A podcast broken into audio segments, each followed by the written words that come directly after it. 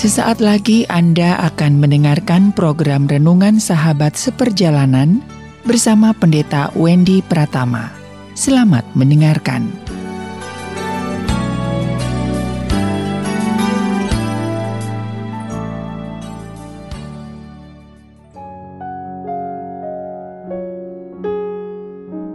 Selamat berjumpa kembali di dalam layanan audio Sahabat Seperjalanan. Hari ini adalah hari Sabtu, 22 Januari 2022. Tema renungan dan saat teduh kita dengan judul Semuanya dicatat, semuanya dicatat.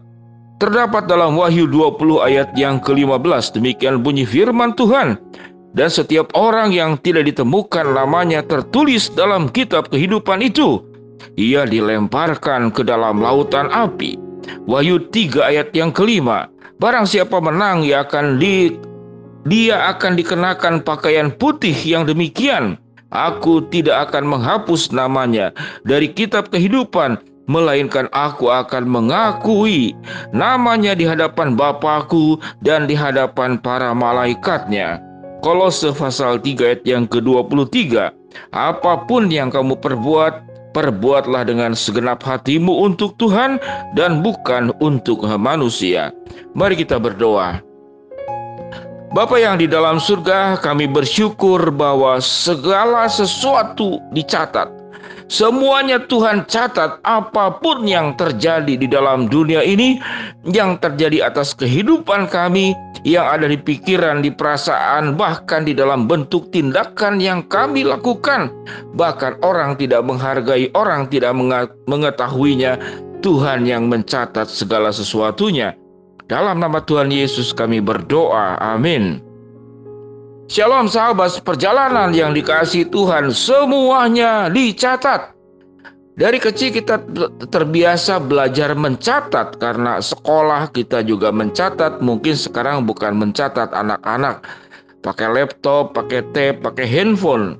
Tetapi tetap ada urusan mencatat. Esensinya sama dengan mencatat. Semuanya urusan mencatat. Setelah kita dewasa pun urusannya juga dengan catat mencatat. Apalagi yang bekerja di bagian akunting, di bagian logistik, semuanya mencatat.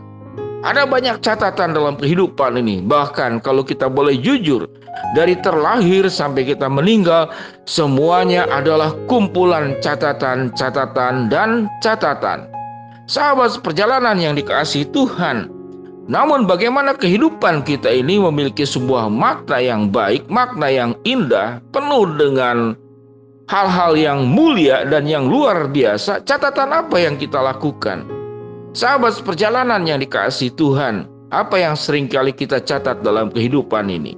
Kalau kita runut dan dan kita urutkan, biasanya yang paling kita catat adalah tabungan kita. Ada banyak tabungan kita, ada berapa tabungan kita? Wah, kita sangat ingat berapa jumlah tabungan kita.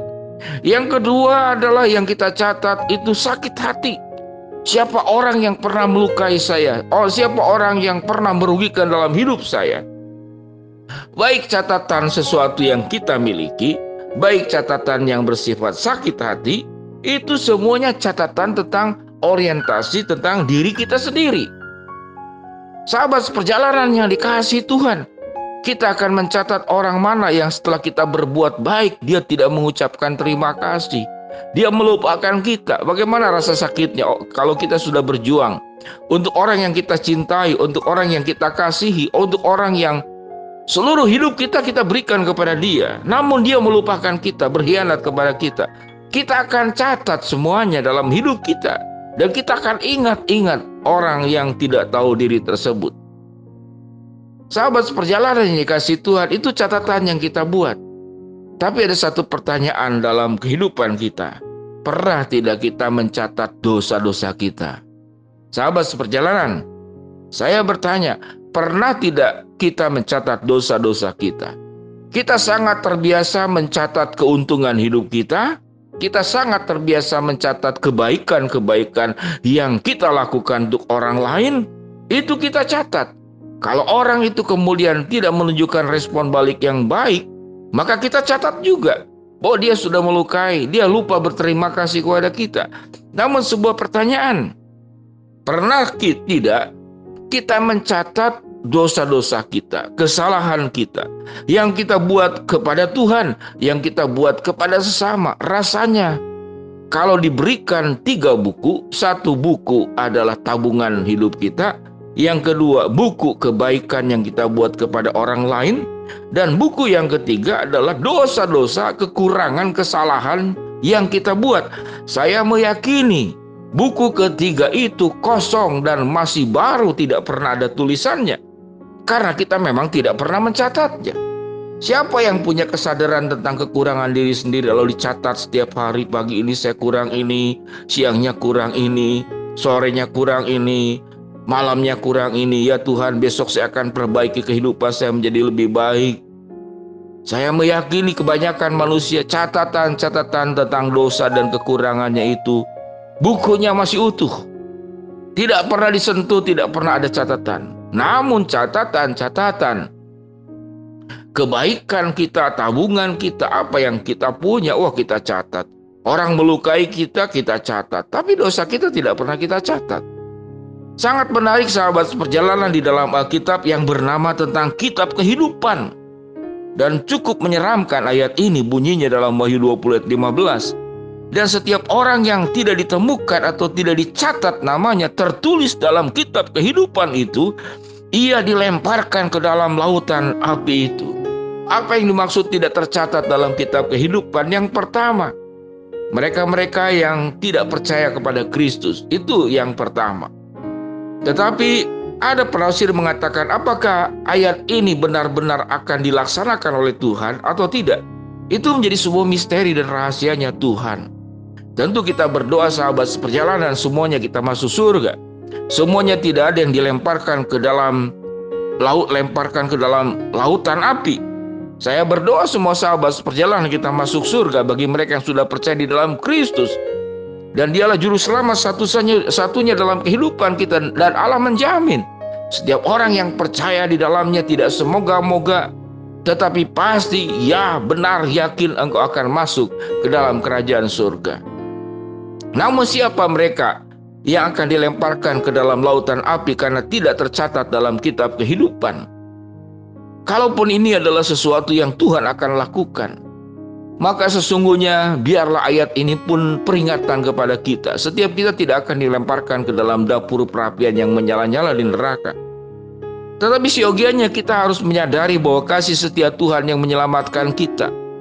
Jangan sampai catatan-catatan dosa kita yang sedemikian banyak itu tidak pernah ada perbuat perbaikan dalam kehidupan kita. Mari sahabat perjalanan, kalau engkau berbuat baik bersyukurlah. Kalau engkau kemudian berbuat baik orang tidak memberikan respon yang seharusnya, maka bersyukurlah. Karena orang tidak mencatat kebaikanmu, Tuhan mencatat kebaikanmu. Sabar dengan Tuhan juga mencatat dosa-dosamu. Maka semua hidup kita baik buruk. Semua kehidupan kita yang tersembunyi, yang dihargai, yang tidak dihargai itu dicatat oleh Allah. Allah itu adalah Allah yang adil. Maka biarlah fokus kita berbuat apa pun. Sewaktu kita berbuat baik, berfokuslah kepada Allah. Allah akan mengetahui segala kebaikanmu. Sewaktu engkau berbuat buruk, ingatlah ada Allah juga yang mencatat setiap dosa-dosamu.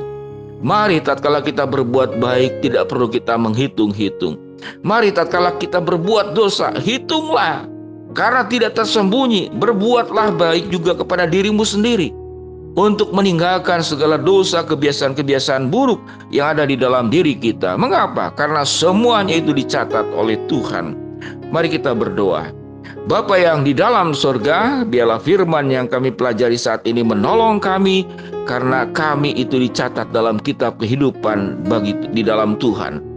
Kami berdoa buat hambamu, hamba-hamba eh, sahabat perjalanan yang sedang sakit Tuhan jamah sembuhkan, yang sedang menghadapi masalah Tuhan bukakan jalan, yang sedang memohon berharap sesuatu Tuhan akan kabulkan sesuai dengan waktu rencana dan waktumu. Di dalam nama Tuhan Yesus kami berdoa. Amin. Shalom sahabat perjalanan yang dikasih Tuhan semuanya dicatat. Oleh sebab itu apa pun yang kamu perbuat, perbuatlah dengan segenap hatimu untuk Tuhan dan bukan untuk manusia. Kolose 3 ayat 23. Amin.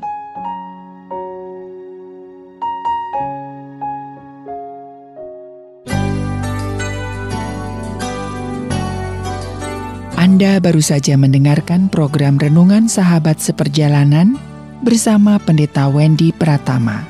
Terima kasih atas perhatian Anda. Tuhan Yesus memberkati.